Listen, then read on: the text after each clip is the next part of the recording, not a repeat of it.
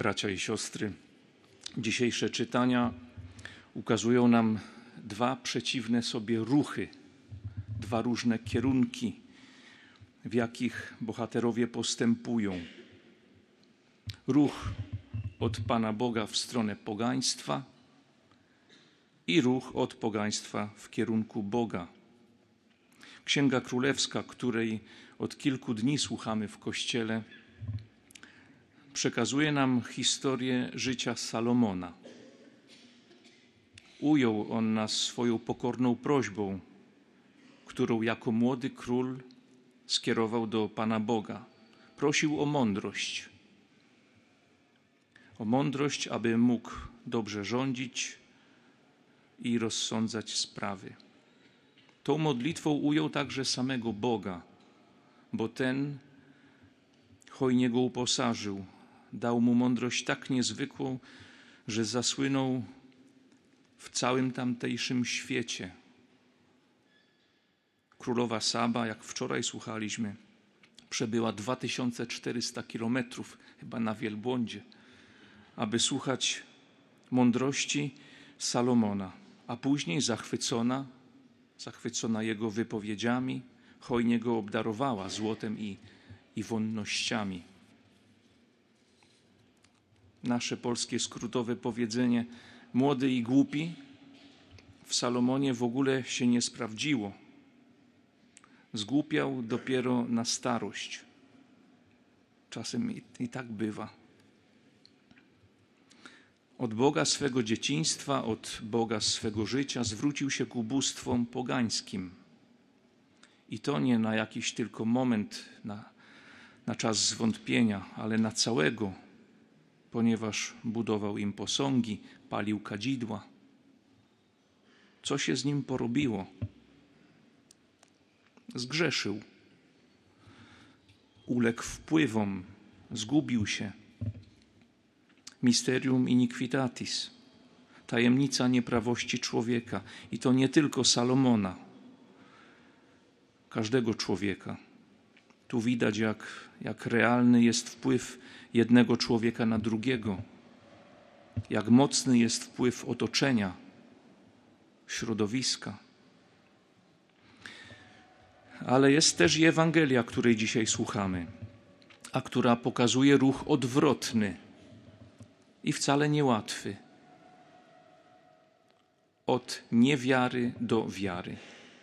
Do Jezusa, który odwiedzał tereny na północ od Galilei, tereny pogańskie, przybliża się Syrofenicjanka.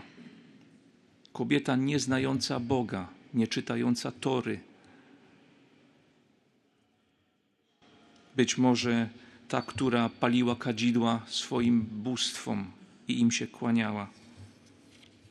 Przychodzi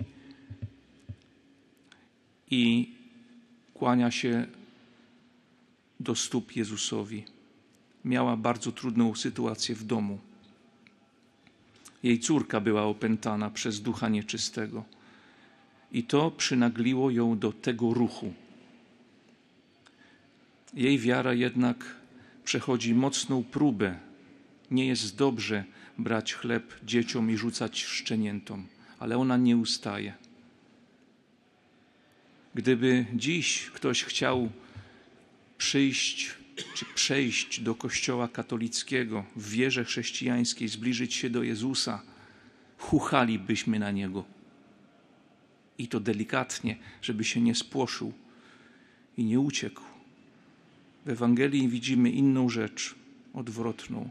Pan Jezus próbuje wiarę, a gdy wiara ta próbę wytrzymuje, hojnie ją wynagradza i nie tylko uwalnia córkę od złego ducha, ale obcą i daleką kobietę dopuszcza do obietnic zbawienia.